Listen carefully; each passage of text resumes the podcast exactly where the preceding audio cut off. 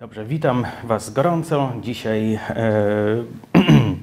będę mówił e, na temat e, e, w jakiś dziwny sposób dotyczący nas wszystkich, e, czyli mówić będę na temat grzechu i tego, jak sobie z nim radzić. Nie chodzi o to, jak go popełnić profesjonalnie, bo zwykle już ludzie w tej dziedzinie mają jakieś własne doświadczenia i odkrycia, i tu niekoniecznie trzeba e, dużych inspiracji, ale chciałbym powiedzieć o grzechu i o ludzkim zmaganiu z grzechem i o, sposoba, o sposobie radzenia sobie z nim.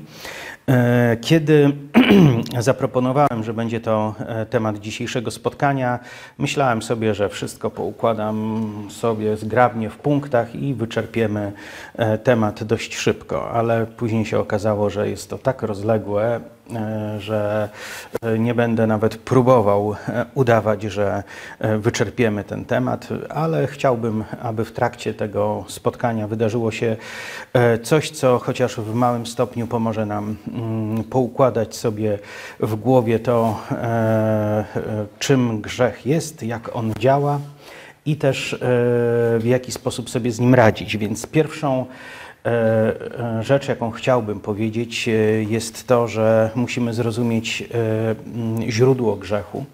I moglibyśmy cofać się bardzo, bardzo daleko, żeby zrozumieć źródło grzechu. Jego źródłem jest bunt Lucyfera, bunt anioła, który kiedyś e, był e, bliski Bogu, jednak zaczął uzurpować sobie pozycję, do której nie był przeznaczony, e, zaczął obrastać w pychę, e, zaczął działać w sposób niezależny od Boga i koniec końców to doprowadziło do tego, że e, został, że tak powiem, wyrzucony ze dworu.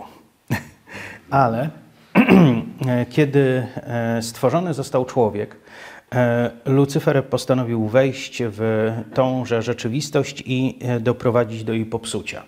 Biblia mówi, że Bóg stworzył człowieka na swój obraz i swoje podobieństwo.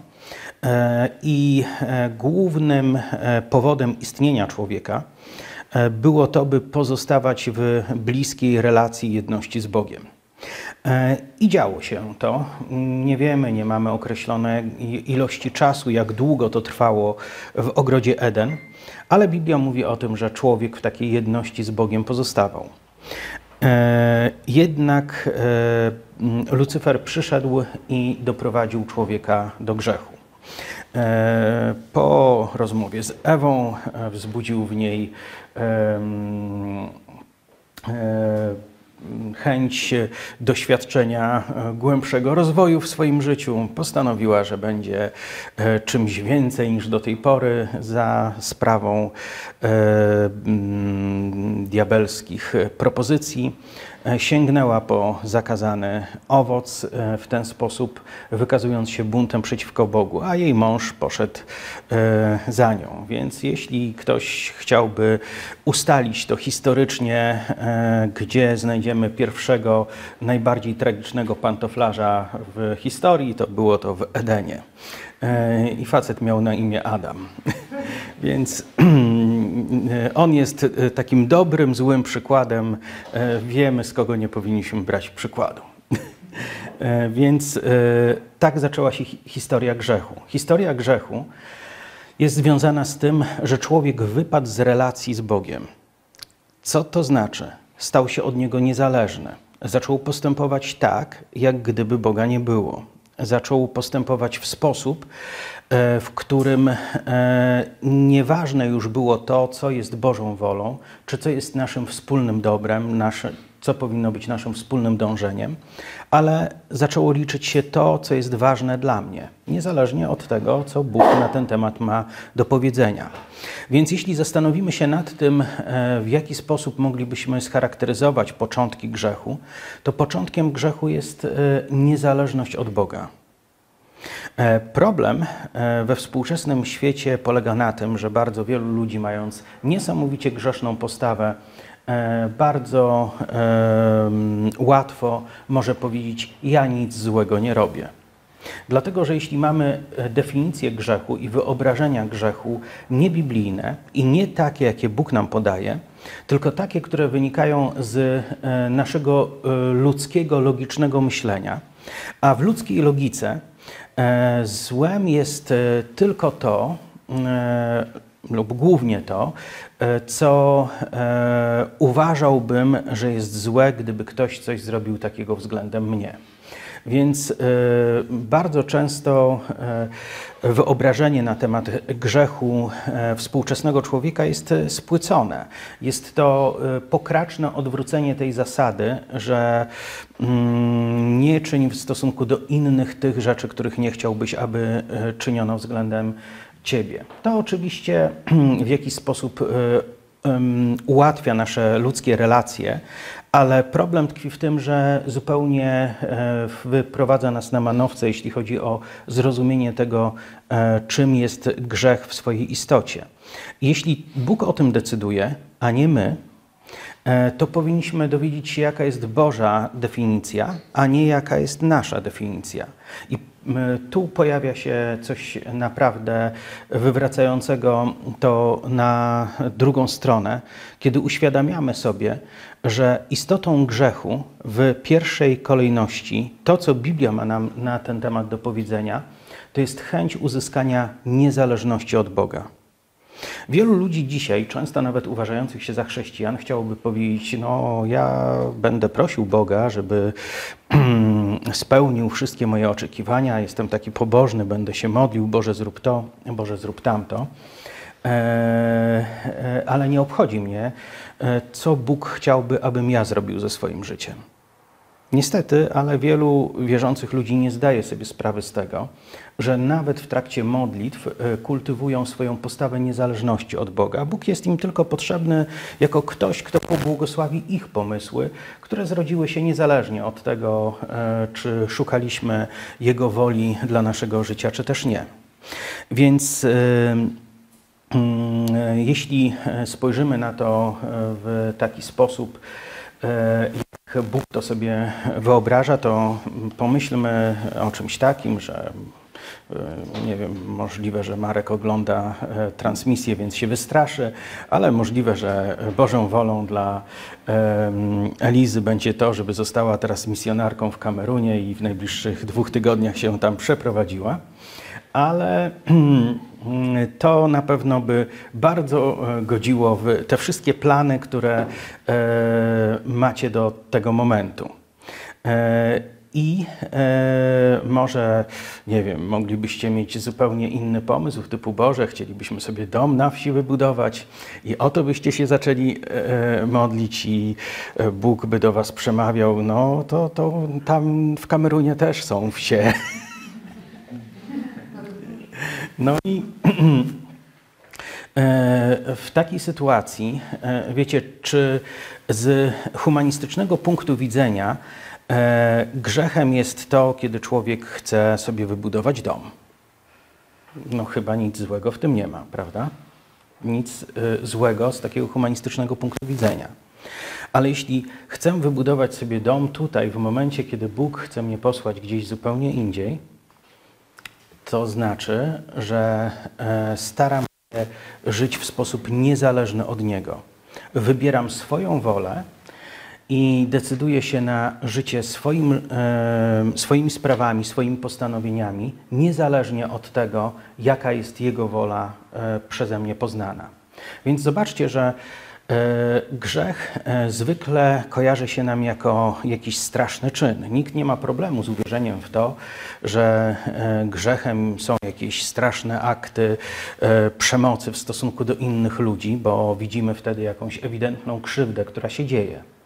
Ale problem tkwi w tym, że e, zwykle nasza definicja grzechu jest bardzo spłycona poprzez to, że e, potrzebujemy e, zidentyfikować grzech z czymś, co jest odrażające, czymś, co powoduje ogólne odrzucenie ze strony wszystkich i od razu chętnie byśmy uznali za grzeszników takich ludzi jak Hitler, Stalin, różnych pedofili, gwałcicieli, byśmy uznali za grzeszników, podczas gdy za grzeszników nie chcielibyśmy uznać e, ludzi, którzy wiodą życie, które dość e, dobrze zewnętrznie wygląda.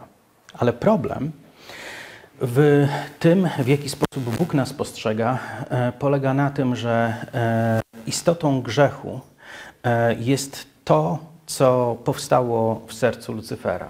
On chciał być niezależny od Boga. Chciał realizować swoje plany, nie jego.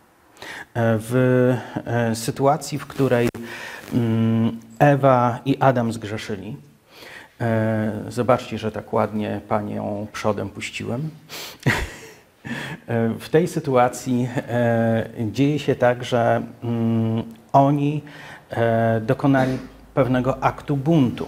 E, znali Bożą wolę, ale jednak postanowili postąpić w sposób sprzeczny z Bożą wolą. Z tego jednego grzechu zrodziły się wszystkie grzechy i cała, cały bunt ludzkości. Człowiek został stworzony do relacji z Bogiem, do działania w wspólnocie z Nim, w jedności ale poprzez e, poddanie się woli e, szatana e, człowiek zerwał tą relację. I ta relacja została zerwana w sposób trwały. I grzech stał się częścią natury człowieka. Co to znaczy? Niezależność od Boga stała się częścią natury człowieka. Oczywiście same słowo niezależność nie wyczerpuje wszystkiego tego, co o grzechu wiedzieć powinniśmy ale człowiek poprzez wejście w stan niezależności od Boga e, zaczął e, poszukiwać e, dobra dla siebie w zgodzie ze swoim własnym wyobrażeniem. A problem tkwi w tym, że w momencie, w którym jesteśmy oddzieleni od Boga, nasze wnętrze nie działa w sposób właściwy. Myślę, że każdy człowiek może, e, mm, obserwując samego siebie, zauważyć, że od czasu do czasu powstają w nas różne postawy, z którymi się nie zgadzamy. Od czasu do czasu popadasz w złość i nie zgadzasz się z tym, że popadasz w złość. Od czasu do czasu e, powstaje w tobie jakieś chore pożądanie i wiesz, że to jest złe. Od czasu do czasu powstaje w tobie E, jakieś rozgoryczenie, które ciebie niszczy wewnętrznie i też wiesz, że to nie jest właściwe, ale zaczyna to trawić twoje wnętrze. Od czasu do czasu unosimy się pychą, mimo że normalnie oceniamy taką postawę jako coś niewłaściwego. E, człowiek nie jest w stanie w pełni zapanować nad swoim wnętrzem i bardzo często robi rzeczy, które są zupełnie sprzeczne z jego systemem wartości i z wyobrażeniami. O tym pisze apostoł Paweł w liście do Rzymian, mówiąc, że w głowie rozumiem, e, co jest dobre, ale e, nie czynię tego, o czym wiem, że jest dobre, tylko czynię to, co jest złe, to, o czym wiem, że jest złe. Więc apostoł Paweł e, pokazuje te wewnętrzne rozdarcie, jakie jest w człowieku, E, I mm, gdybyśmy e, zastanowili się nad tym, e, to odkrywamy tutaj coś, co ludzkość od początku świata nazywała sumieniem. Dlaczego i w jakich okolicznościach nasze sumienie się odzywa? W takich okolicznościach, w których robimy coś, o czym sami wiemy, że nie zgadzamy się z tym, prawda? To właśnie wtedy, wtedy właśnie czujemy, że posiadamy sumienie. Wtedy się ono odzywa. Czasami próbujemy walczyć z sumieniem, e, zagłuszać jego głos, jeśli zbyt często popełniamy dany grzeszny czyn. Ale powinniśmy zrozumieć tutaj różnicę między e, grzechem, który tkwi w nas, a grzesznymi czynami, które popełniamy. Dlatego, że e, mm, jest to e, coś, e, co myślę jest bardzo mm, niewłaściwie rozumiane. Bo jeśli zrozumiemy temat grzechu z perspektywy tylko złych czynów, które popełniamy, to będziemy w tym tak prymitywni jak ludzie, którzy uważają, że mleko bierze się z supermarketu. E, oczywiście możemy kupić mleko w supermarkecie, ale e, mleko pochodzi od krowy. Chociaż w przypadku tego, które kupujemy, to może w niewielkiej części, ale gdzieś jakoś dawno temu mleko pochodziło od krowy. Nie chcę obrażać tych ludzi, którzy mieszają to wszystko, ale kiedyś mleko pochodziło od krowy. E, e, karton w supermarkecie to jest e, objaw istnienia przemysłu mleczarskiego, ale istotą jest krowa, bo to krowa daje te mleko. Krowa jest w nas w środku. Więc w środku jest coś, co produkuje grzech. O tym pisał apostoł Paweł w liście do Rzymian, mówiąc, że coś we mnie czyni to, czego ja nie chcę czynić. Jeśli wystarczająco długo pożyliśmy na świecie, to zdajemy sobie sprawę z tego, że w życiu człowieka jest ogromna ilość rzeczy, które zrobiliśmy i jeśli byśmy tylko mogli cofnąć czas, to na pewno byśmy tego nie zrobili. Prawda? Kto tyle złego w naszym życiu zrobił? Jeśli ludzie. Nikt w naszym życiu nigdy nie zrobił tyle złego, ile my sami. I powinniśmy e, e, mieć jasność w tej sprawie, że nikt nas nigdy nie będzie w stanie tak skutecznie skrzywdzić, jak my sami. E, sami dla siebie jesteśmy zagadką, dlatego że grzech to drzemiąca w nas natura. Grzech to dziedzictwo, które wynieśliśmy e, z mm, tego, że Adam jest naszym praprzodkiem. Grzech to coś, e, co produkuje ogromną ilość grzesznych czynów, ale istota grzechu mieszka w nas o wiele głębiej.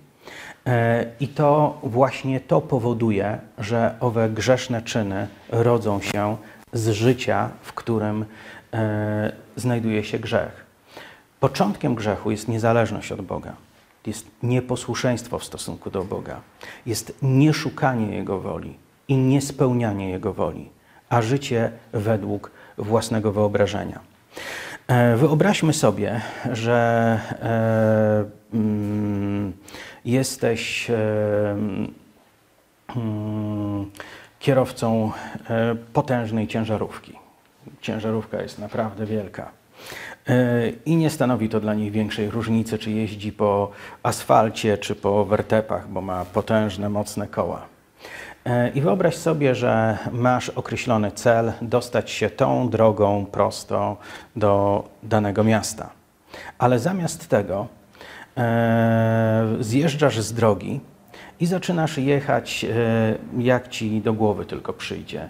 E, rozwalasz przy okazji kilka domów, przejeżdżasz kilku ludzi, rozwalasz komuś ogród, komuś innemu rozwalasz fabrykę e, i wydaje ci się, że jedziesz do celu. Nigdy do niego nie dojeżdżasz, ale poprzez to, że zeszłeś z drogi i chciałeś jechać na swoich zasadach, zrobiłeś wiele złego, choć nie zamierzałeś tego złego zrobić, prawda? Coś podobnego dzieje się w naszym życiu. Bóg ma swoje założenia dotyczące życia każdego człowieka. To może wydawać się dość yy, zaskakujące, jakże to Bóg miałby o każdym z nas z osobna pomyśleć. Tak. Myślę, że Bóg ma swoją wolę i swój plan dla każdego z nas, niezależnie czy go wypełnimy, czy też nie wypełnimy. E, I kiedy mm, zastanawiamy się nad e, boską dbałością o szczegóły, e, to gdy spojrzymy na sam ten prosty fakt, że nie ma dwóch identycznych płatków śniegu, to myślę, że analizując tego typu zjawiska w świecie, możemy uświadomić sobie, że jeśli Bóg poświęca tyle fantazji, aby nie było na świecie dwóch identycznych płatków śniegu, to dlaczego miałby włożyć mniej swojej wyobraźni i swojej fantazji w kwestie życia ludzi? Bóg ma plan dla każdego z nas. E, I my możemy ten plan wypełnić tylko wtedy, jeśli będziemy chcieli poznać Jego wolę. Jeśli nie będziemy chcieli poznać Jego woli, nie wypełnimy. Wiemy, że e, przez całe życie coś będziemy robić. Kiedyś Bob Dylan e, śpiewał w jednym ze swoich kawałków, że każdy, może komuś, e, każdy musi komuś służyć, że nie ma takich ludzi, którzy by nikomu nie służyli. E, może to być diabeł, może być Bóg, ale nie możesz być kimś, kto nie służy nikomu. I e, niezależnie od tego, jak do tej sprawy podchodzimy, to albo realizujemy Boży plan, albo realizujemy plan, który jest grzeszny. Plan, który jest niezgodny z Bożym planem. E, I kiedy spojrzymy w ten sposób na temat grzechu, to zobaczymy, że chodzi tu o coś o wiele ważniejszego niż to, e, czy ktoś e, coś ukradł, czy ktoś kogoś nas wyzywał, czy ktoś popełnił jakiś grzech taki czy inny. W całej tej rzeczywistości to, co jest najistotniejsze, e, to nie to, jak wiele grzesznych czynów w Twoim życiu się wydarzyło, ale to, czy powracasz na właściwy tor, aby dojechać do właściwego celu, by spełnić e, tą e, wolę, którą Bóg ma dla Twojego życia. I mm, gdy patrzymy na ludzkość, to widzimy, że ludzkość jest niesamowicie gorliwa w grzeszeniu. Mm, wielkie wynalazki, E, to bardzo często są rzeczy, które powstały w e, ramach poszukiwań rozwiązań dla wojska i na potrzeby e, mordowania innych ludzi. Postęp w medycynie i w chirurgii dokonał się nie z powodu troski o ludzkie zdrowie, ale dokonał się z tego powodu, że podczas I wojny światowej tak wielu okaleczonych ludzi było, że trzeba było robić co tylko można, żeby przywrócić ich do obiegu, by dalej mogli walczyć. I to dopiero nakręciło e, postęp w chirurgii i w mm, różnych dziedzinach medycyny. E, okazuje się, że e, człowiek z większą łatwością wynajduje rzeczy, które go niszczą, niż te, które mm, mogą mu zrobić coś dobrego. E, kiedy e, zastanawiamy się nad ludźmi jako takimi, e, to możemy szybko dojść do takiego wniosku. Nikt nigdy nie musiał uczyć swoich dzieci, aby były niegrzeczne.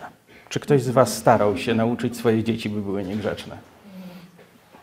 Nikt nie musiał. Miały to od razu. Miały to zaprogramowane wewnątrz swojej natury. Nim większe były, tym bardziej niegrzeczne umiały być i tym więcej trzeba było e, włożyć wysiłku w to, żeby ogarnąć tą rzeczywistość, prawda? To też jest jedno ze świadectw mówiących o tym, że rodzimy się z grzeszną naturą. Z owej grzesznej natury wynika ogromna ilość e, mm, win, i człowiek ma tendencję do tego, by usprawiedliwiać się z grzechu, by e, udowadniać, że to, co zrobił, nie było takie złe. Jednym ze sposobów na usprawiedliwianie swojego grzechu jest e, pokazywanie, że są przecież ludzie, którzy zrobili rzeczy gorsze. Ja, kiedy bywam w więzieniach, to od czasu do czasu bywa tak, że ktoś e, złapie mnie kawałek od całej reszty uczestników spotkania i mówi, wiesz co tamten zrobił? Ludzie nigdy nie mówią o tym, co sami zrobili. Ale jak znajdą tylko kogoś, kto zrobił coś gorszego niż oni, to od razu chętnie się tym podzielą, żeby poczuć się lepsi. To działa nawet w więzieniach. E, przez e, lata e, pracuję jako profilaktyk uzależnień i zdaję sobie sprawę z pewnych mechanizmów, jakie działają w uzależnieniu. Uzależnienie jest zarówno grzechem, jak i chorobą. I często dzieje się tak, że kiedy człowiek przechodzi przez kolejne etapy uzależnienia, to pojawiają się różne dziwne wypowiedzi na temat swojego stylu życia. No przecież pije za swoje. No przecież w siebie wlewam, nikomu nie każę. Nikomu nic złego nie robię. To nigdy nie jest prawda. Każdy alkoholik, który e, zdążył się uzależnić, po drodze zdążył skrzywdzić ogromną ilość ludzi, najmocniej tych, którzy byli najbliżej niego. Dlatego, że z e, rodziną jest tak jak z tym żeliwnym grzejnikiem. Jeśli zrobilibyśmy dziurę w jednym żeberku, woda by wypłynęła ze wszystkich. E, I jedna osoba, która popełnia autodestrukcyjne zachowania w stosunku do siebie, tak naprawdę niszczy całą rodzinę.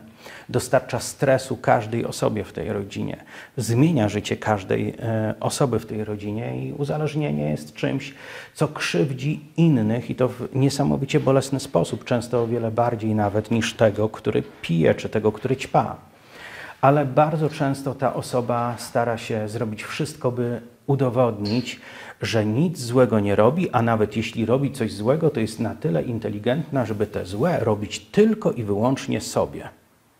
Co nie jest prawdą. Ale to jest pewien sposób na usprawiedliwienie się. No, przecież cały czas pracuję. To czego się mnie czepiacie? Ktoś inny powie, no ale kolorowego nie piję. Dobra, piję kolorowe, ale najpierw przepuszczam przez skórkę od chleba. Wiecie, są różne poziomy, e, na których ludzie potrafią e, znaleźć kogoś gorszego od siebie i usprawiedliwiać samego siebie. I bardzo często usprawiedliwianie własnych grzechów e, jest e, czymś, co e, tak naprawdę tylko pogłębia ów grzech, dlatego że człowiek próbuje usprawiedliwiać swój grzech, dodając do tego kłamstwo. Próbując udowodnić innym, że wcale nie jest to takie złe. Ale prawda jest taka, że żyjąc w grzechu, możemy zrobić tylko jedną e, właściwą rzecz: przyznać się do tego. To jest złe, to jest niewłaściwe. To jest e, coś, co nie podoba się Bogu, to jest coś, co nie podoba się mi, albo przynajmniej powinno mi się nie podobać. To jest coś, co jest ewidentnie złe i coś, do czego nie mam prawa. Ale dojście do, czego, do takiej postawy jest niesamowicie trudne. O wiele łatwiej jest się usprawiedliwiać, prawda? O wiele łatwiej jest wymyślać argumenty, które będą spłycały e, moc e, owego zła. Ale e, istotą zła jest bycie niezależnym od Boga, niezależnym od Jego oceny naszej sytuacji. Coś, o czym Ty możesz powiedzieć, no ale to przecież nikogo nie krzywdzi to przecież nikomu nie robi nic złego. A jeśli komuś robi to coś złego, to tylko mi. I to jest humanistyczne podejście do problemu zła. Podczas gdy Bóg pokazuje to, co jest niezgodne z moją wolą, to jest grzechem. I jeśli zdecydujesz się żyć w grzechu, to trafisz któregoś dnia do tego miejsca, w którym będzie znajdował się autor grzechu. Bóg przy, przygotował dla e, Lucyfera miejsce zwane Gehenną, wiecznym potępieniem. Ono jest przygotowane głównie z myślą o nim. Ale ludzie, którzy zdecydują się żyć na wzór Lucyfera, trafią tam również z nim. E, rozwiązaniem na problem grzechu na problem, który z naszego ludzkiego punktu widzenia jest nierozwiązywalny, dlatego że jak się okazuje, człowiek nie jest w stanie trwać e, o własnych siłach i własnej mocy, w stanie posłuszeństwa. Nie jest w stanie pozostawać w relacji z Bogiem e, w sposób doskonały od momentu, kiedy nastąpiło zerwanie tej relacji w ogrodzie Eden. I to, co się dzieje, e, to e, Bóg przysyła nam rozwiązanie w postaci Chrystusa. Chrystus e, jest jedyną osobą, która nigdy nie zgrzeszyła, jedyną osobą, która nigdy nie popełniła grzechu, ale On bierze na siebie nasze winy, zanosi je na krzyż i pozwala, by kara, która należała się nam, spotkała Jego. Może to wydawać się trochę dziwne, jak to jest, że jedna osoba ma dokonać odkupienia grzechów całej ludzkości. Ale pamiętajmy, że na samym początku to też jedna osoba doprowadziła do tego, że e, cała ludzkość znalazła się w grzechu. I to, co robi Chrystus na krzyżu, to on łamie moc grzechu Adama, który oddziaływał na całą ludzkość przez resztę istnienia ludzkości.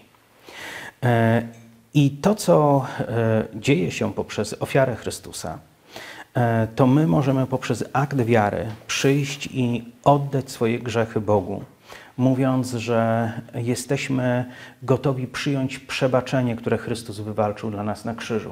I zwykle większość chrześcijan bardzo dobrze rozumie ten temat i zgadza się z nim i e, cieszy się, że taka możliwość istnieje.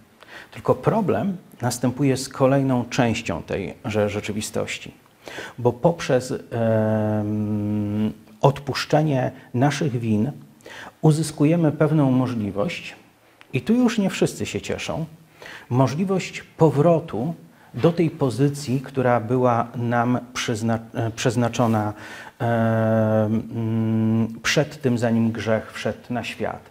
Możemy wejść w pozycję jedności z Bogiem po to, by zacząć spełniać Jego wolę i Jego oczekiwania. E, mm, bardzo płytkie chrześcijaństwo polega na tym, że przychodzimy do Boga aby On odpuścił nam wszystkie nasze winy, abyśmy myśmy, my mogli żyć swoim życiem i od czasu do czasu, jak będziemy mieli jakieś większe potrzeby, to pomodlić się do Niego i powiedzieć, Panie, pobłogosław to, licząc na to, że będziemy mieli kosmicznego pomocnika w naszych ziemskich e, trudach i w e, realizacji naszych ziemskich zamiarów. To jest niesamowicie płytkie i to jest kompletnie mylne. Nie ma zbawienia bez E, wzięcia tych dwóch części rzeczywistości. Z jednej strony potrzebujemy odpuszczenia naszych win, a z drugiej strony potrzebujemy powrotu do relacji z Bogiem i posłuszeństwa względem Niego i do realizacji planu, który On ma dla naszego życia. I e, myślę, że e, bardzo wielu ludzi stając u wrót wieczności będzie niesamowicie rozczarowanych. E, być może będą się powoływać nawet na krew Chrystusa i mówić: No przecież ja uwierzyłem w dokonane dzieło krzyża. E, jeśli w nie uwierzyłeś i zrobiłeś ten jeden krok, to po tym pierwszym kroku, e, konsekwencją zrobienia tego pierwszego kroku powinno być zrobienie kolejnego kroku, czyli powrót do relacji z Bogiem i do realizacji Jego zamiarów w naszym życiu. E, wiele osób, które zrozumiało sens tego, co miało miejsce na krzyżu, e, oddali życie Chrystusowi, oddali swoje grzechy Chrystusowi e, i dalej prowadzili swoje życie w sposób podporządkowany głównie ich woli. Później zdarza się, że są bardzo rozczarowani swoim życiem chrześcijańskim. W moim życiu miała pojawić się Boża ponadnaturalna moc, ja jej nie widzę. E, w moim życiu miało pojawić się Boże błogosławieństwo, ja go nie widzę. E, Bóg mnie miał poprowadzić najlepiej od sukcesu do sukcesu, ja też tego nie widzę. I tacy ludzie zastanawiają się, co jest nie tak. Przecież nawróciłem się i teraz Bóg powinien e, zajmować się spełnianiem mojej woli, wysłuchiwaniem moich modlitw, robieniem tak naprawdę, jakbyśmy wymienili całą listę, to doszlibyśmy do takiego wniosku, że e, odkąd się nawróciłem, powinienem stać się Panem Boga, który e, będzie posłusznie spełniał wszystkie moje życzenia. Ale Biblia mówi coś, że kiedy nawracamy się, kiedy przyjmujemy tą ofiarę, to powinniśmy nazwać Jezusa swoim Panem. Jakiż by to był Pan, jeśli by nami nie rozporządzał? Jaki by to był Pan, jeśli by nie miał nic do powiedzenia do naszego życia? Jaki by to był Pan, który dałby się nam traktować jak niewolnik albo jak sługa? Biblia mówi, że przyjmując uwolnienie od naszych win, uwolnienie od potępienia, mamy ten przywilej, by móc powrócić na drogę posłuszeństwa, na, dro na drogę spełniania Bożej woli. E, człowiek w swoim życiu tkwi w dwóch rzeczywistościach. Albo spełniasz Bożą wolę, albo jej nie spełniasz. Możesz nie spełniać Bożej woli, będąc satanistą grasującym z piłą motorową na cmentarzu i ganiającym tam biedne staruszki.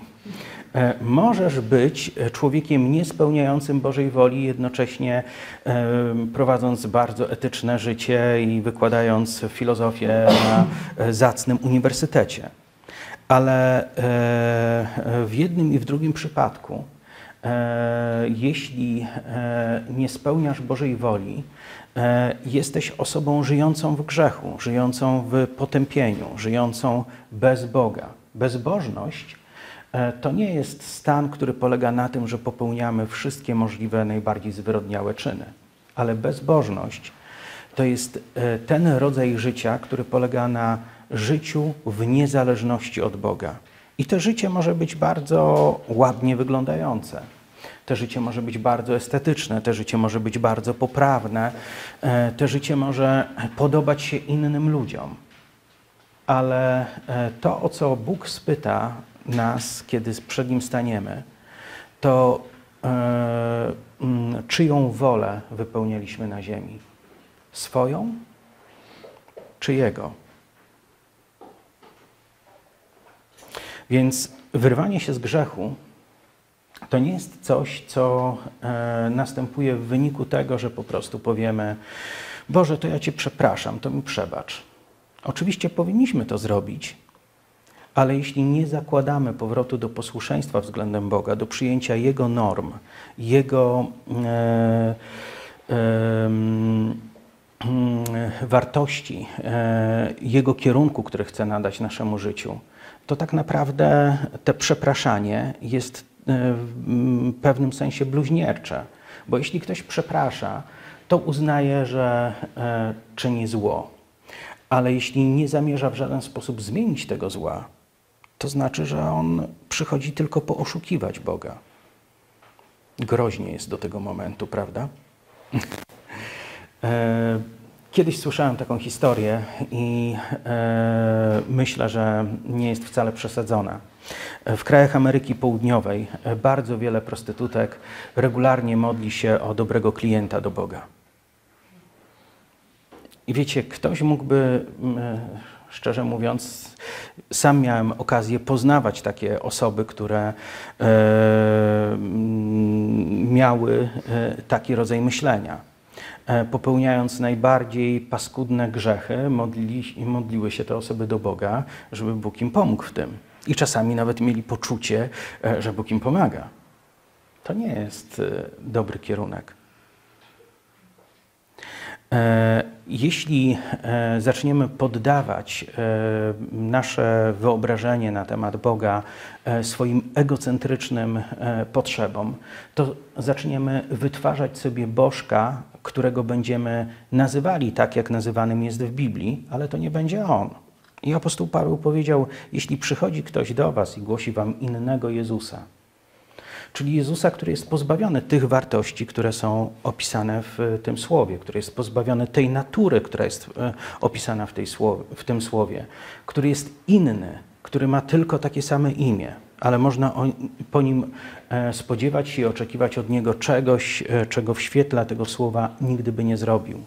E, więc problem takiego innego Jezusa, takiego innego Boga i takiego innego chrześcijaństwa istnieje. Prawdziwe chrześcijaństwo polega na tym, że człowiek przychodzi po wybaczenie swoich win do Chrystusa, który oddał za niego swoje życie, ale z drugiej strony rozumie, że to go zobowiązuje by wejść w posłuszeństwo, by zacząć spełniać Jego wolę. Życie w grzechu może e, wierzącego człowieka e, zniszczyć na wiele sposobów.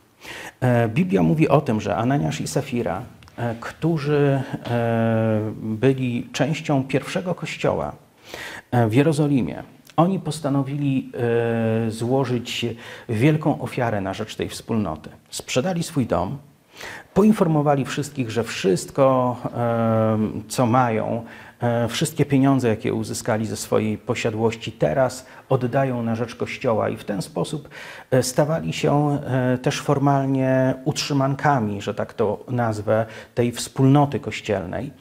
Wielu ludzi tak robiło.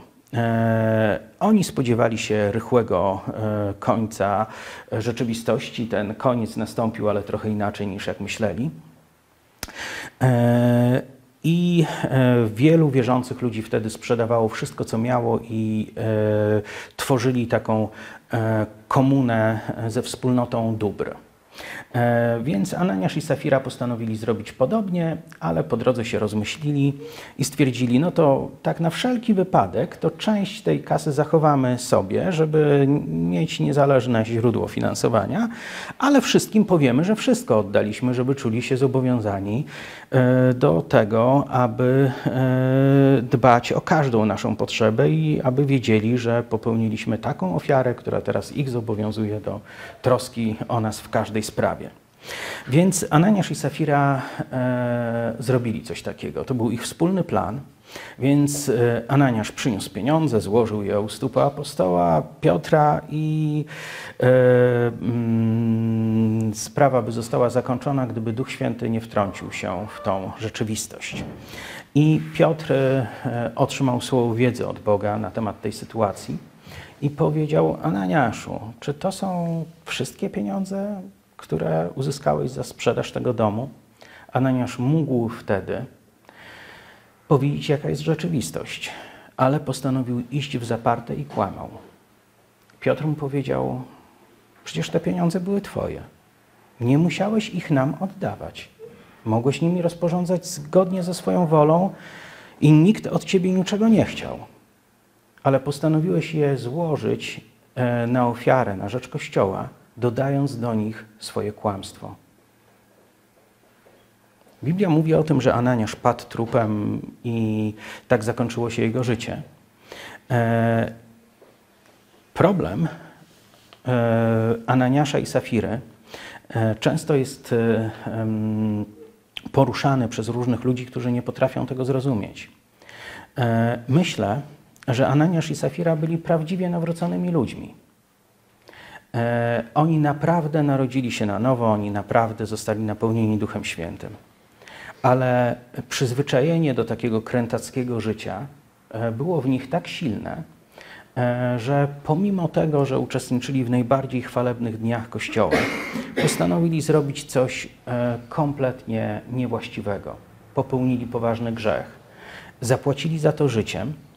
I czy odebranie ich, im życia było czymś, co mm, w jakiś straszny sposób ich skrzywdziło. Oczywiście z ludzkiego punktu widzenia tak, ale jeśli spojrzymy na to głębiej, to zauważymy, że tak naprawdę ci ludzie doświadczyli pewnego rodzaju dobrodziejstwa w tym momencie. E, w liście do Koryntian E, czytamy o pewnym człowieku, który w tejże wspólnocie korynckiej, wiemy, że Korynt to było miasto niesamowicie słynne z rozwiązłości. E, do dziś używa się określeń typu córy Koryntu, a i sporo dowcipów takich, których się w kościele raczej nie mówi, e, z tamtych czasów po świecie jeszcze krąży. I e, te miasto pełne rozwiązłości stało się obszarem misyjnym apostoła Pawła. Nawróciło się tam sporo ludzi i to byli ludzie żyjący i wychowani w tej rozwiązłości. E, to byli ludzie, którzy nie posiadali pewnych granic. I w którymś momencie doszło do takiej sytuacji, że e, pewien człowiek wziął sobie za partnerkę swoją macochę. E, I e, niektórzy ludzie na to zareagowali w ten sposób. Wow, nasz Bóg jest łaskawy, cudowny, wspaniały i, i, i jest super i, i dzięki temu, że mamy tak łaskawego Boga, takie rzeczy są możliwe. A inni oburzyli się straszliwie na to. E, i stwierdzili, no my jako chrześcijanie to powinniśmy być bardziej e, obrazem e, cnót, a nie e, mm, tymi, którzy zacierają wszelkie granice w imię chrześcijaństwa. Więc powstał spór pewien w owym kościele. I kiedy apostoł Paweł o tym się dowiedział, pisząc pierwszy list do Koryntian, napisał, że zamiast zareagować we właściwy sposób, to niektórzy z Was wpadli w dumę, wpadli w pychę, e, zaczęli się chlubić tym jako czymś, co świadczy o e, naszej wielkiej otwartości. E, Paweł napisał: Wydajcie takiego wy i mój duch na zatracenie ciała, aby jego duch był zachowany na dzień pański. Co to znaczy? Biblia mówi o tym, że ów człowiek miał e, zginąć, jego ciało miało być uśmiercone. No to niewierzący ludzie mieli go uśmiercić, ale e, on miał umrzeć po to, by być ocalonym dla wieczności. I myślę, że coś podobnego spotkało Ananiasza i Safirę. Oni, wchodząc w chrześcijaństwo, z takim krętactwem i z takim przytupem w tym krętactwie, będąc wyzwoleni od win, ale jednak kierując swoje życie w odwrotnym kierunku niż to, czego życzył od nich sobie Bóg, e, lepiej wylądowali poprzez to, że ich życie zostało skrócone, niż jak gdyby mieli trwać w grzechu i odejść od e, Boga całkowicie. Biblia mówi o tych, którzy grzeszą, i którzy w wyniku e, swojego grzechu e, jako chrześcijanie później znajdują się w gorszym położeniu niż ci, którzy Ewangelii nigdy nie usłyszeli. Więc e, myślę, że to jest aktem Bożego miłosierdzia, kiedy zdarza się, że takie życie jest przerwane w momencie, kiedy duch takiej osoby jest jeszcze do uratowania. I myślę, że żadna z tych osób, ani Ananiasz, ani Safira, ani wspomniany człowiek z Koryntu, nie będą później w wieczności mieli pretensji do Boga. Boże, czemu skróciłeś nasze życie? E, czemu e, nie mogliśmy robić tego, co chcieliśmy? Przecież no, to w końcu nasze życie, nasza wola. Ja myślę, że oni e, czują się uratowani. Dla nich e, ta śmierć wyszła, powiedzmy, na zdrowie. E, ich wieczność została uratowana. E, ja osobiście, e, jeśli miałbym patrzeć na samego siebie i miałbym e, oglądać w swoim życiu rozwój grzechu, miałbym oglądać w swoim życiu bunt i niezależność, miałbym oglądać, że z każdym rokiem jestem coraz dalej od Boga, a nie coraz bliżej, to wolałbym, żeby Bóg te życie przerwał, niż pozwolił mi dojść w buncie i niezależności tak daleko, że aż wpłynęłoby to na moją wieczność. Grzech to nie jest błaha sprawa. Grzech to coś, co może oderwać cię od Boga. Grzech to coś, co może skrócić Twoje życie. Grzech to coś, co może wpłynąć na Twoją wieczność. Więc e, bagatelizowanie grzechu, e, czy myślenie, że kwestia grzechu w Twoim życiu to tylko powiedzenie Boże, przepraszam, powołuję się na krew Chrystusa, wybacz mi, wszystko dalej niech będzie w porządku. Myślenie w takich kategoriach jest bardzo niebezpieczne. Dlatego, że to, czego Bóg od nas oczekuje, to to, że pokutując, zechcemy zacząć żyć właściwym życiem, a nie tylko przychodzić po ciągłe anulowanie długów. I chciałbym przejść do tej części, która jest mega pozytywna w, całej, e, w całym tym dzisiejszym przesłaniu, bo ja rozumiem, że straszę. Zastanawiam się, ile osób się rozłączyło w międzyczasie ale jeśli jeszcze tego nie zrobiłeś, to naprawdę wierzę, że piekło jest prawdziwe i że trwa w nieskończoność. I to jest miejsce, do którego możemy trafić, jeżeli będziemy e, podchodzić w sposób lekceważący do tego, co Bóg ma nam do powiedzenia. Ale jeżeli e, jako wierzący ludzie e, pokutujemy, jeżeli chcemy zacząć żyć w taki sposób, jak Bóg tego od nas oczekuje, to potrzebujemy zrozumieć pewną prawdę, w jaki sposób z grzechu się wychodzi. E, wiele osób próbuje to robić w zupełnie niewłaściwy sposób. Wiele osób myśli, że po prostu potrzebuje przeprosić Boga, a później uprzeć się ze wszystkich sił, żeby nigdy więcej tego nie robić. I wiecie, jak im to wychodzi? Tak, tak jak wam. Więc nie ma w tym e, względzie większej różnicy. Więc jeśli e, coś takiego praktykujesz, e, to już wiesz, jak to działa. To jest mniej więcej jak spowiedź, którą musisz powtarzać regularnie i później się okazuje, że niczego to w tobie nie zmieniło, bo twoje zachowanie jest identyczne jak wcześniej. Ale e, jest rozwiązanie, które Bóg nam pokazuje i chciałbym, abyśmy na to spojrzeli mm, w taki sposób, by szukać zastosowania dla samego siebie. E, Boża odpowiedź na grzech to przede wszystkim ta prawda, że Chrystus jest tym, który już wycierpiał karę za Twoje grzechy. Nie musisz e, odpokutować swoich grzechów poprzez wycierpienie czegoś z ich powodu. E, to, co potrzebujesz zrobić, to potrzebujesz nawrócić się, czyli potrzebujesz zmienić swoją postawę, zmienić swój sposób myślenia. Jeśli usprawiedliwiałeś swoje grzechy, czyli mówiłeś sobie, no inni robią to samo, tylko o wiele częściej, albo inni robią jeszcze gorsze rzeczy. Więc jeśli usprawiedliwiałeś swoje grzechy poprzez jakieś akty samomanipulacji, by zmniejszyć poczucie winy, lub e, zbagatelizować e, zło, które z tym się wiąże, to nawracając się do Boga, musisz odrzucić wszelkie sposoby usprawiedliwiania się czy spłycania problemu. Musisz spojrzeć na to w taki sposób wprost. To jest złe, to jest godne potępienia, to jest coś, co nie podoba się Bogu i to jest coś, co nie powinno podobać się mi. E, chciałbym, abyśmy rzucili e, okiem na pierwszy list e, Jana i od ósmego wersetu mamy tutaj takie słowa. Jeśli mówimy, że grzechu nie mamy, sami siebie zwodzimy i prawdy w nas nie ma.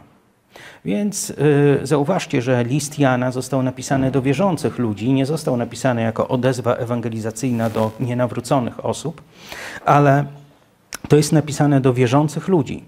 Jeśli mówimy, że grzechu nie mamy, sami siebie zwodzimy i prawdy w nas nie ma.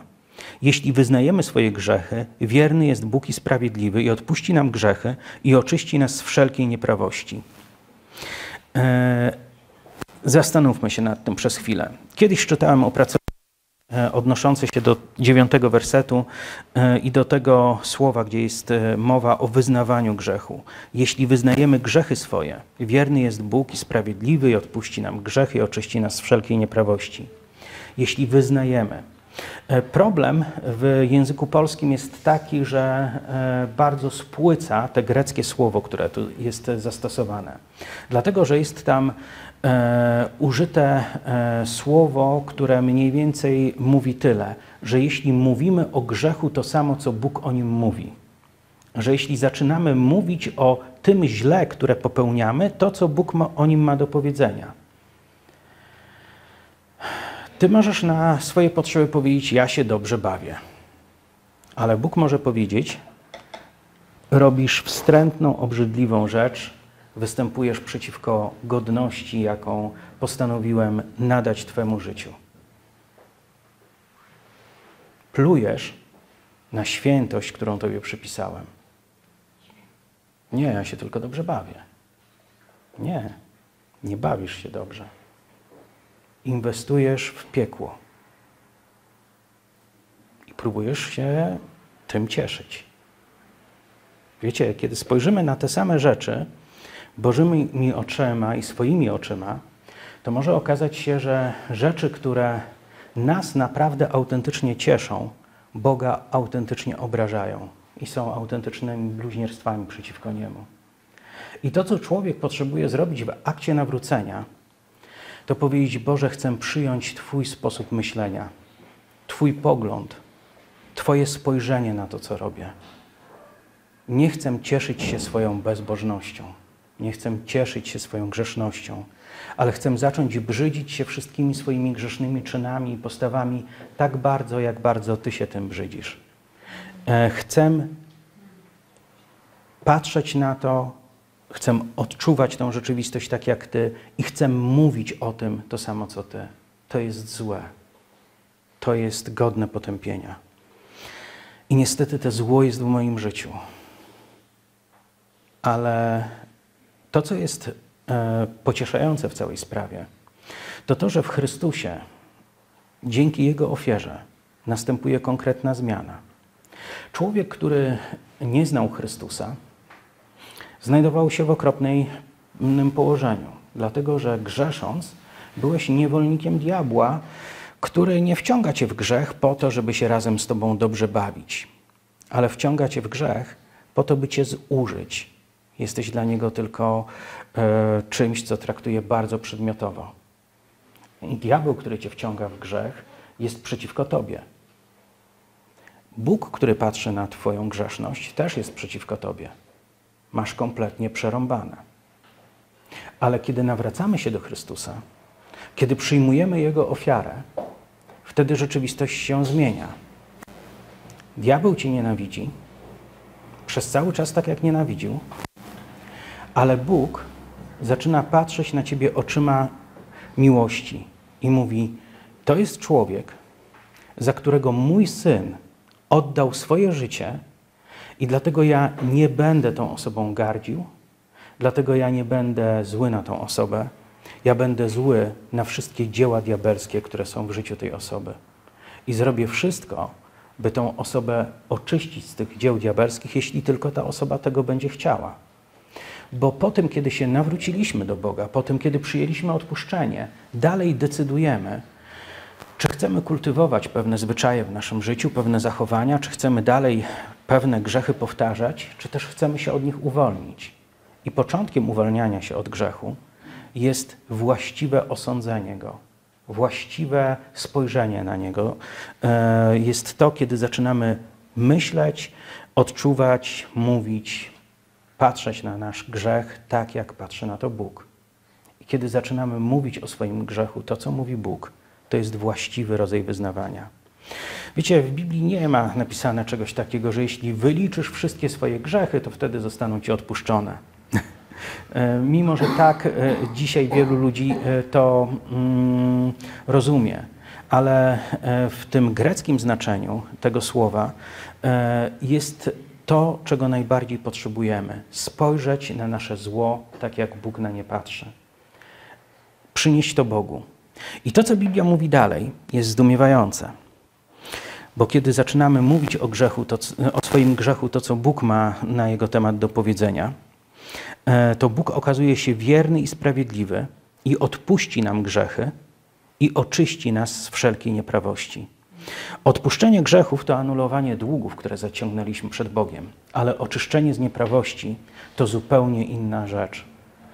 E, blisko 30 lat temu, za kilka miesięcy to już będzie 30 lat temu, E, sięgnąłem po Nowy Testament i kiedy zacząłem go czytać, e, pomimo tego, że wcześniej jako uzależniona osoba zdawałem sobie sprawę z tego, że nie jestem w stanie wyrwać się z nałogu, podejmowałem takie próby, ale wiedziałem, że to mi się nie uda. Wiedziałem, że każda walka będzie czymś, co będzie kończyć się moją porażką.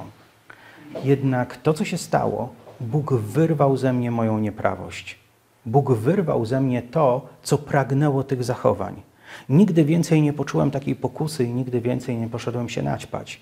Nie dlatego, że wygrałem siłą woli i mocnym postanowieniem, którego się trzymałem. Nie. Tą walkę wygrał w moim życiu za mnie ktoś inny. Jeśli chodzi o mnie, byłem kompletnie pokonany i niezdolny nawet do tego, by walczyć, a co dopiero by wygrać.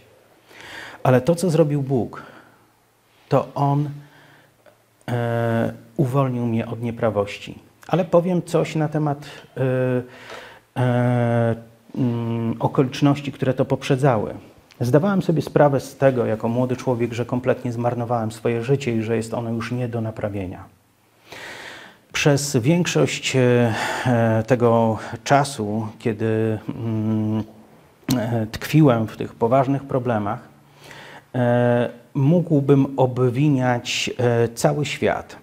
Pamiętam, jaki byłem wściekły wtedy na działaczki komunistyczne, które prowadziły moją szkołę.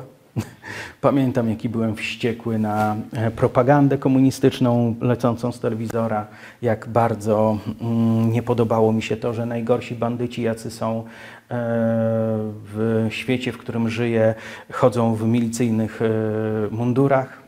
E, byłem wściekły na wszystko i wszystkich. Byłem wściekły na księdza, który e, publicznie handlował darami z mm, zachodu, e, które otrzymywał do rozdawania biednym i w ten sposób się wzbogacał. Byłem wściekły na każdą hipokryzję każdego człowieka i mógłbym mówić o cudzej hipokryzji nieustannie, pokazując, jaki świat jest podły, zakłamany, nieuczciwy. Tylko problem był taki, że w momencie, kiedy zacząłem zdawać sobie sprawę z tego, że moje życie jest już nie do naprawienia, to miałem tą długą, długą, długą listę złych ludzi i złych okoliczności. Ale wszystko to zbladło, kiedy uświadomiłem sobie, że nikt nigdy nie zrobił mi takiej krzywdy, jak ja sam sobie zrobiłem. że kogo bym nie obwiniał, to i tak to ja zniszczyłem swoje życie. Bardzo często ludzie potrzebują takiego usprawiedliwienia. Zły świat. Żebyś wiedział, jaką mam teściową. Albo coś podobnego. Zawsze człowiek znajdzie jakiś argument. Ale prawda w moim życiu była taka, że nikt mi nie zrobił tej krzywdy. To ja sam doprowadziłem się do tego stanu. W okresie, kiedy zacząłem czytać Nowy Testament, byłem bardzo ukorzonym człowiekiem. Rozumiałem, że zło, które mnie niszczy, to zło, które wypłynęło ze mnie samego. Nie obwiniałem już innych. Wiedziałem, że to ja. Nie byłem świadom tych praw, nie byłem świadom, jak ważne jest to, aby przyznać się do własnego zła, by do, doświadczyć Bożej pomocy. Ale bardzo często ludzie działają w sposób wrogi w stosunku do samego siebie, kiedy próbują przed Bogiem się usprawiedliwiać. Głoszę Ewangelię, mówię komuś: Słuchaj, Bóg jest w stanie ci odpuścić wszystkie Twoje winy. Jeśli tylko go poprosisz, to każda najpaskudniejsza rzecz, jaką kiedykolwiek w życiu zrobiłeś, zostanie ci całkowicie odpuszczona i Bóg już ci nigdy tego nie będzie pamiętał. I wtedy w samym środku takiej rozmowy ktoś mówi: No, wiesz, ja to się cieszę, że ja to nigdy taki zły nie byłem. To jest naprawdę prosta droga do piekła. Jeśli chcesz iść do piekła, to zacznij głosić sobie i innym swoją dobroć. A w którymś momencie, kiedy staniesz w wieczności, okaże się,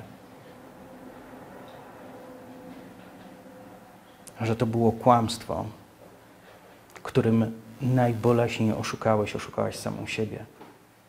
Ale kiedy uznajesz swoje zło, to wtedy Bóg jest w stanie okazać Ci łaskę.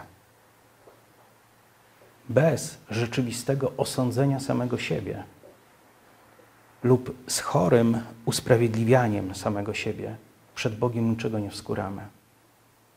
Najlepiej przyjść do Niego ze świadomością, że jesteśmy godni piekła. Wtedy Bóg odpuszcza nam winy i On wyrywa z nas to, co w nas pragnie zła, oczyszcza nas z nieprawości. Pomyśl o jednej tylko nieprawości w swoim życiu, którą gdyby Bóg dzisiaj z ciebie wyrwał, to zmieniłoby Twoje życie. Może skłonność do popadania we wściekłość w trudnych sytuacjach, może myśli ciągle lawirujące w zupełnie nieodpowiednim kierunku, może przytłaczające cię kompleksy, nie pozwalające ci się podnieść do tego, do czego Bóg ciebie stworzył. Gdyby Bóg wyrwał dzisiaj tylko jedną nieprawość z ciebie, jak bardzo mogłoby to zmienić resztę twojego życia? A Bóg jest gotów to zrobić. Jeśli wyznajemy swój grzech, Bóg odpuszcza i oczyszcza z nieprawości. Zobaczmy, co jest tam dalej napisane. Jeśli mówimy, że nie zgrzeszyliśmy, kłamcę z Niego robimy i nie ma w nas słowa Jego. Nie usprawiedliwiaj się nigdy. Weź na siebie winę. Nie szukaj winnych dookoła. Ale jeśli popełniasz zło, nazwij to zło złem. I odbierz sobie prawo do robienia tego kiedykolwiek więcej. Dzieci moje, to wam piszę, abyście nie grzeszyli, a jeśli kto zgrzeszy, mamy orędownika u Ojca, Jezusa Chrystusa, który jest sprawiedliwy. On ci jest ubłaganiem za grzechy nasze, a nie tylko za nasze, lecz i za grzechy całego świata.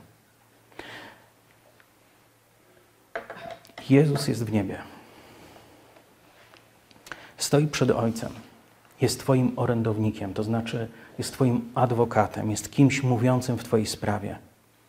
Jezus jest kimś, kto pokazuje Ciebie palcem i mówi: Ojcze, widzisz go? Nie wychodzi mu. Cały czas wygląda tak, jakby był niewolnikiem grzechu, za który ja umarłem na krzyżu. Ale to jest moja ofiara. To ja za niego umarłem. To ja zapłaciłem całą cenę i nie chciałbym, abyś kiedykolwiek patrzył na niego z gniewem. Ja chcę mówić w jego obronie, a nie przeciwko niemu. Ja chcę być po Jego stronie. Tak jak byłem po Jego stronie na krzyżu, tak chcę być po Jego stronie teraz w niebie. Bóg mówi w Twojej sprawie. Kiedy jesteśmy narodzeni na nowo, kiedy jesteśmy chrześcijanami, kiedy w naszym życiu jest ciągle obecny grzech, to Jan pociesza nas tymi słowami. Jezus w niebie nie struga osikowego kołka, by przybić, przy, przybić na ziemię i wbić ci go w serce, żebyś nie robił mu obciachu. Ale Jezus w niebie staje przed Ojcem i mówi w Twojej obronie, dlatego że zależy Mu na życie zostało naprawione, przemienione. To, co dotyka często ludzi, którzy e, gdzieś e, popadają w grzech, to to, że to zmienia ich wyobrażenie Boga. Od razu zaczynają sobie wyobrażać, wkurzyłem Boga, na pewno nie chce mieć ze mną nic wspólnego. No, będę trzymał się od Niego z dala, jak mi się uda trochę poprawić, to może spróbuję wrócić. Najgłupsza rzecz, jaką możesz zrobić, to właśnie to. Jezus z jakiegoś powodu opowiedział e, tą przypowieść o synu marnotrawnym. Wielki skrót. Chłopak przychodzi do ojca i mówi: Tato, ja nie mogę tego wytrzymać. W ogóle mnie to tak trawi. To jest nie do zniesienia. Ty ciągle nie umierasz. Ja bym chciał, żebyś już umarł i żeby mieć już spadek po tobie. Zróbmy coś takiego, żebym dostał ten spadek zanim umrzesz, bo ja się nie mogę doczekać. To tak mniej więcej wyglądało. On przyszedł po coś, co by mu się należało dopiero po śmierci jego ojca. Ale domagał się tego, zanim staruszek się zawinie do bazy. Więc to nie było dobre. Ojciec dał mu. Chłopak odszedł stamtąd. Pewne rzeczy się w nim zmieniały. Pewnie się ucieszył, że staruszek był tak naiwny i dał się naciągnąć. E, szeroki świat przed nim. Ówczesne rozrywki, e, balowanie, imprezowanie. Koniec końców facet wylądował bez grosza. Okazało się, że wszyscy przyjaciele byli przyjaciółmi bardziej jego sponsoringu niż jego i zrobiło się smutno. Siedział chłopak między prosiakami i trochę zazdrościł prosiakom uczty, które miały. Więc doszedł do wniosku, że może wróci do staruszka, ale był pewien, że jego ojciec musi być na niego tak zły, że go nie przyjmie na normalnych prawach. Więc pomyślał sobie, powiem mu, nie jestem godzien być twoim synem i nawet nie będę robił ci obciachu, nie będę się przyznawał do tego, że jestem twoim synem, ale proszę, daj mi pracę jako jednemu z twoich najemników, bo życie jako twój najemnik dla mnie będzie dużo lepsze niż te życie, które sam sobie wybrałem.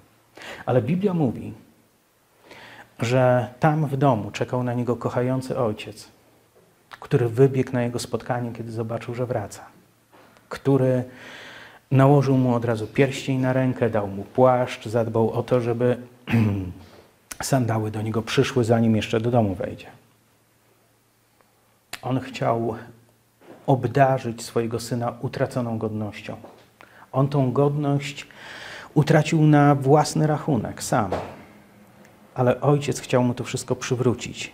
I problem tkwi w tym, że często, kiedy ludzie grzeszą, nie zdają sobie sprawy z tego, że w Twoim wyobrażeniu e, Bóg może być pełen gniewu, może być pełen wrogości z powodu Twojego grzechu, mogą być, może być bardzo wiele różnych dziwnych rzeczy.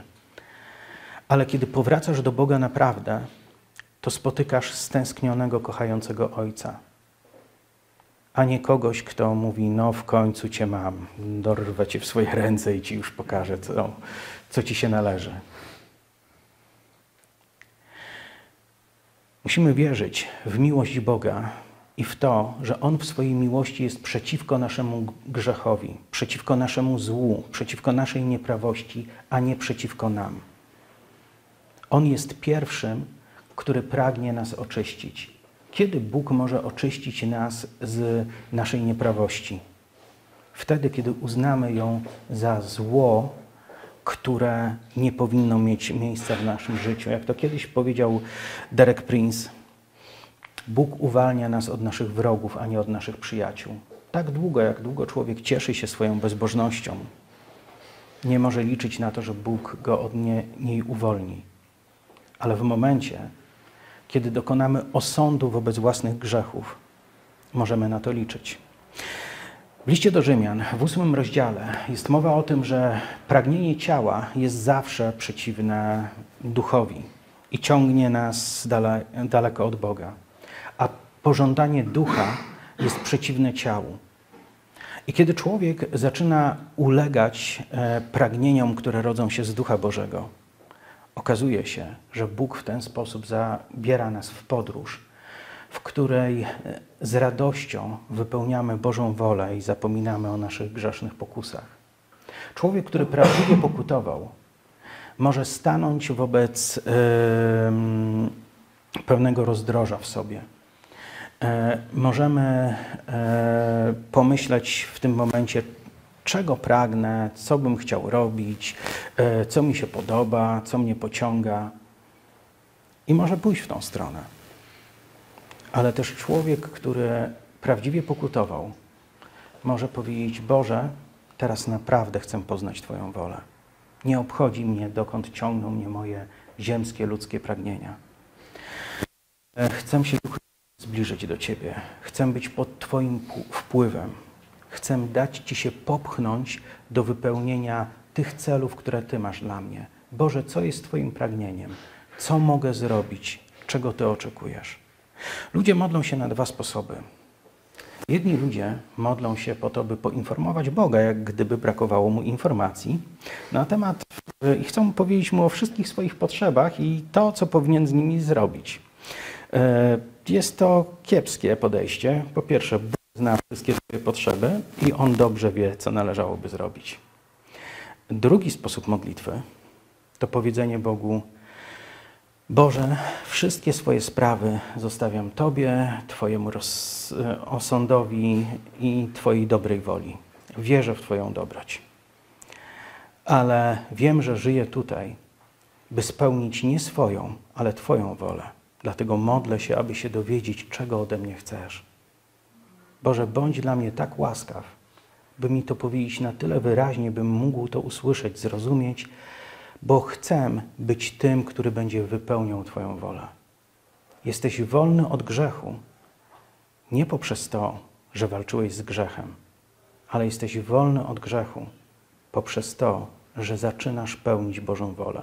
To tak jak z problemem światła i ciemności.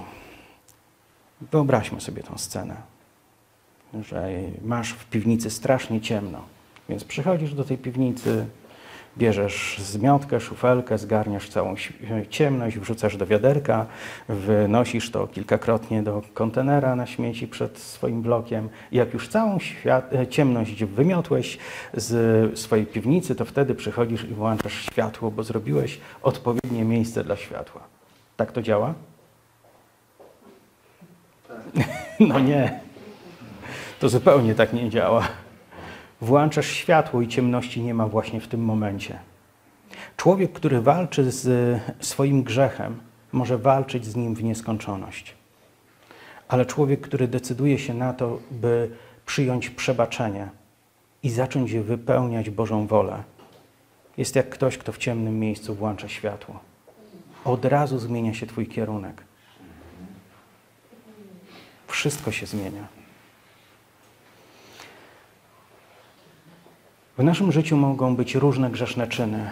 Nigdy nie powinniśmy ich usprawiedliwiać w takim sensie, że to nie było złe, albo że inni ludzie robią gorsze rzeczy. Żaden ze sposobów usprawiedliwienia naszych win nie jest dobry. Grzech zawsze powinien być potępiony w pierwszej kolejności przez nas jako sprawców. Wiecie, straszną rzeczą jest to, kiedy ktoś udaje pokutę, bo inni na niego wsiedli z powodu jego grzesznych czynów. To nie ma sensu. Udawana pokuta niczego nie zmieni. Ale dopóki ty sam nie potępisz własnego grzechu, dopóki nie osądzisz, dopóki nie staniesz razem z Bogiem w jednej linii i nie powiesz: Boże, zobacz na te wstrętne wszystkie czyny, które popełniłem, popełniłam, to się nie podoba Tobie i mi się teraz też nie podoba. Chcę być w zgodzie z Tobą w tej sprawie i chcę żyć w wolności. To wtedy odkrywasz, że Ty jesteś po stronie Boga i Bóg jest po Twojej stronie, przeciwko temu złu, Światło zaczyna pojawiać się w Twoim życiu. Dosyć długo mówię, prawda? ale. Okej. Okay. Ale, zachęcony tymi, e, tym, tą entuzjastyczną reakcją z Waszej strony, pozwolę sobie teraz przejść do drugiej części, równie obszernej. Wiecie, parę wersetów wyżej, za chwilę będziemy kończyli. głośniej, głośniej.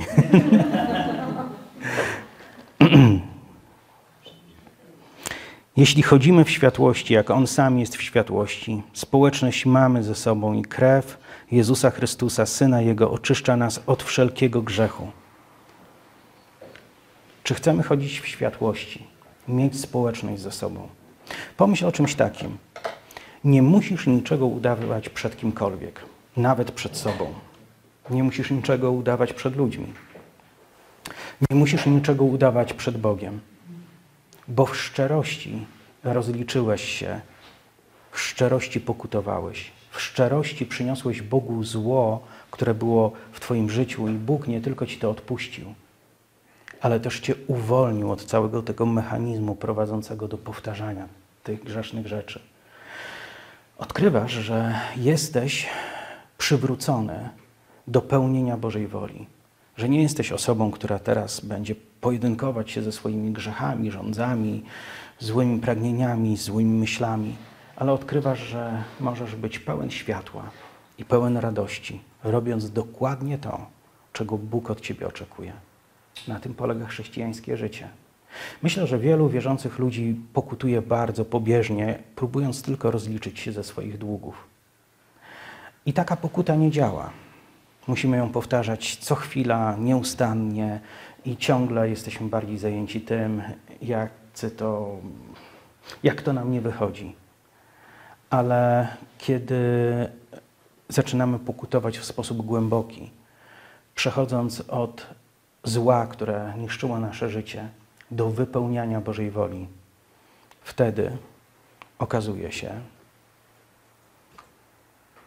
że to wszystko ma sens że jest z czego się cieszyć, że ta Ewangelia naprawdę przynosi wyzwolenie i radość dla naszego życia. Mam znajomych, którzy lata temu, 10, 20, 30, wyszli z alkoholu, wyszli z narkotyków i powtarzają: walka, cały czas walczę, trzymam się, walczę. Myślę sobie, Oczywiście nie chcę drwić e, z tych ludzi, no, bo zrobili tyle, ile mogli i to jest e, dobrze, że trwają w trzeźwości. Ale ja nie wyobrażam sobie takiego życia. Nie wyobrażam sobie, że sensem mojego życia byłoby walczyć o trzeźwość każdego dnia. Dziękuję Bogu za to, że On uwolnił mnie od mojej nieprawości i nie musiałem walczyć o swoją trzeźwość, ale mogłem zacząć wypełniać Jego wolę i mogłem doświadczać wielu niezwykłych rzeczy związanych z tym. Głęboka pokuta, głęboki osąd własnego życia, rzeczywiste, głębokie zwrócenie się do Boga powoduje, że Bóg nie tylko nam odpuszcza, ale i oczyszcza. Ale jeśli naprawdę chcemy głęboko pokutować, to końcem pokuty nie jest to, że machniemy białą kartką, powiemy wymazane, super, już nic na mnie nie ciąży. To nie jest koniec. Końcem pokuty jest powróciłem do Ojca. Zajmujemy się wspólnymi sprawami. Robimy dokładnie to, co On zaplanował, abyśmy teraz robili. To jest dopiero koniec pokuty. To jest cel. Obiecałem, że kiedyś skończę, więc tu Was zaskoczę, to teraz.